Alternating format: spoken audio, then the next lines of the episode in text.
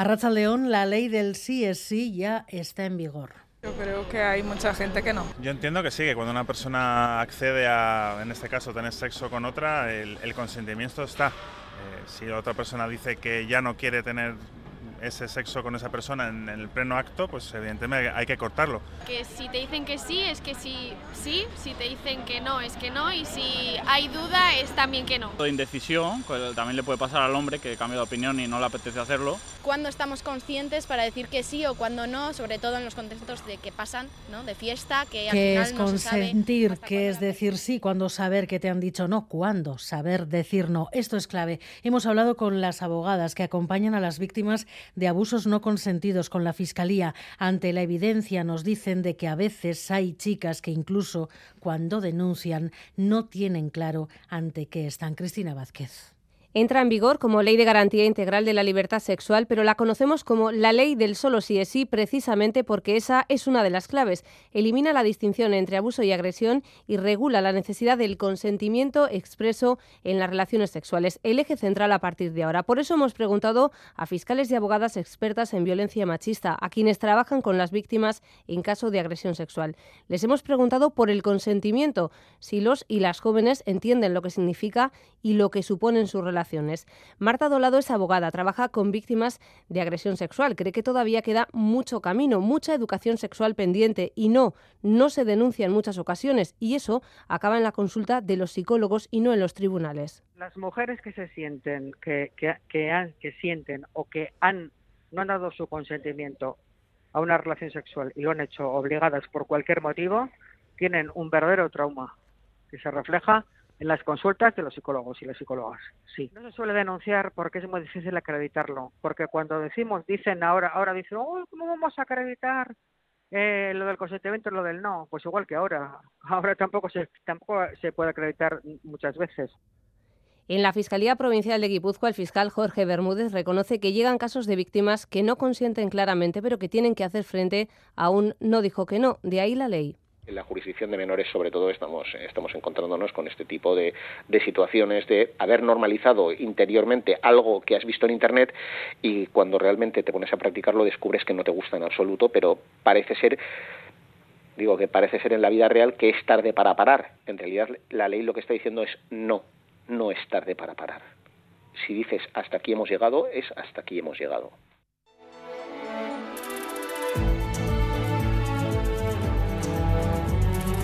Gambara con Arancha García. Y finalmente las bases de Junts han decidido salir del gobierno casi partido en dos por el 55% de los votos. La ejecutiva del partido está reunida esta hora en Barcelona y el presidente aragonés estaría preparando ya una remodelación del gobierno urgente este mismo fin de semana. Enviada especial a Barcelona, Nerea Sarriegui. Sí, la estabilidad del gobierno catalán ha saltado por los aires. Un 55% de los militantes de Junts ha votado no a permanecer en el gobierno frente al 42% que ha votado sí aquí en la sede de Junts.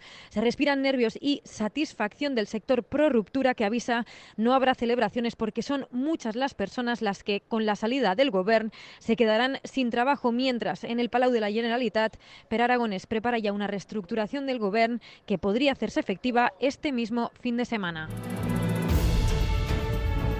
Quedan 20 días para el pleno de presupuestos, 20 días tiene el gobierno Sánchez para garantizarse los apoyos que necesita para sacarlos adelante y los partidos empiezan a situarse. El PNV de momento muestra sus primeras reticencias, echa de menos una mayor carga de partidas relacionadas con lo económico y el gobierno vasco no oculta su malestar por el nuevo retraso del tren de alta velocidad. El año 92 empezó el AVE con Sevilla-Madrid, 30 años después todavía estamos aquí en obras, posiblemente dentro de 10 años más tarde, es decir, con 40 años de retraso se ponga un AVE en marcha, eso significa que, que la importancia a las inversiones en Euskadi no se le ha dado la debida, la que se tenía que haberle dado. El pasado no lo podemos cambiar. Lo que sí podemos hacer es incremento presupuestario, mayor inversión, aceleración de la inversión para alcanzar las fechas y los compromisos que nos hemos puesto desde ambos gobiernos. Se habló de finales del, del 26, inicios del 27. Y en la sede del PS en la calle Prim, primer debate a puerta cerrada de las primarias que el domingo elegirán el candidato a la alcaldía, David Beramendi, Racha León.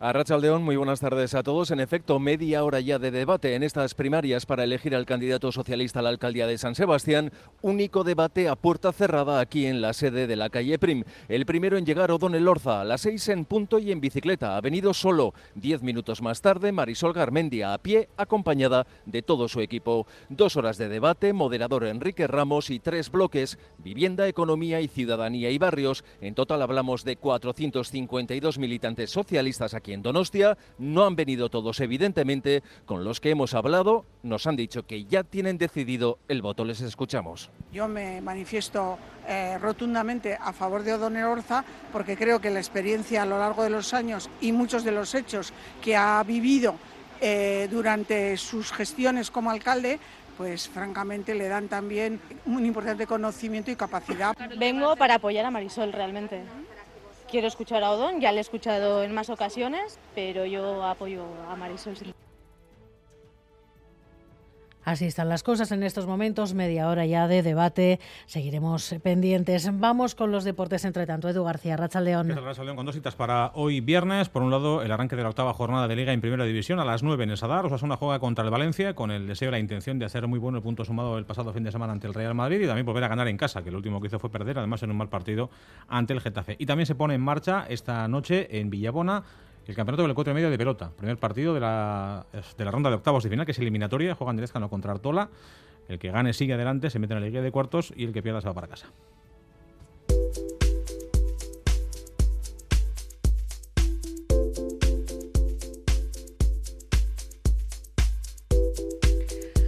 Un activista bielorruso y dos organizaciones de derechos humanos de Ucrania y Rusia son los premios Nobel de la Paz este año por su contribución a la lucha por los derechos de la sociedad civil y la documentación de la guerra. Oscar Pérez. La guerra de Ucrania y la invasión de Rusia han sido los protagonistas del año para el Nobel de la Paz. Premia de esta manera una organización ucraniana, el Centro para las Libertades Civiles, que se dedica a documentar los excesos del ejército ruso a la invasión. Hace precisamente seis meses, cuando la guerra solo llevaba 20 días, en Radio Euskadi entrevistamos a su presidenta, que nos decía estar convencida de que Putin será juzgado algún día. Sí, no tengo duda. Si él vive y no repite lo que Hitler hizo en el búnker, él será juzgado. Pero el problema es que si no lo paramos ahora, va a provocar muchas más víctimas.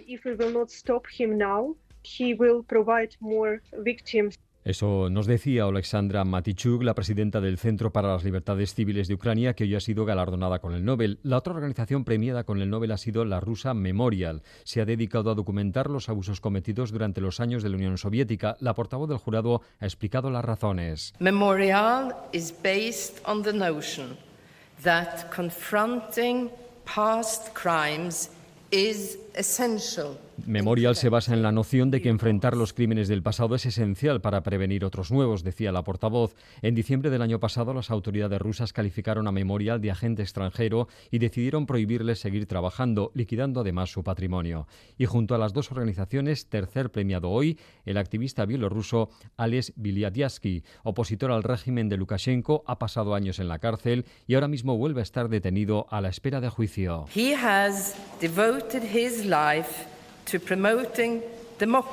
Ha dedicado su vida a promover la democracia y la paz en su país, ha destacado el comité que concede el Premio Nobel de la Paz. Alberto Zubeldia y Miguel Ortiz en la dirección eh, técnica, Cristina Vázquez en la producción. Comenzamos.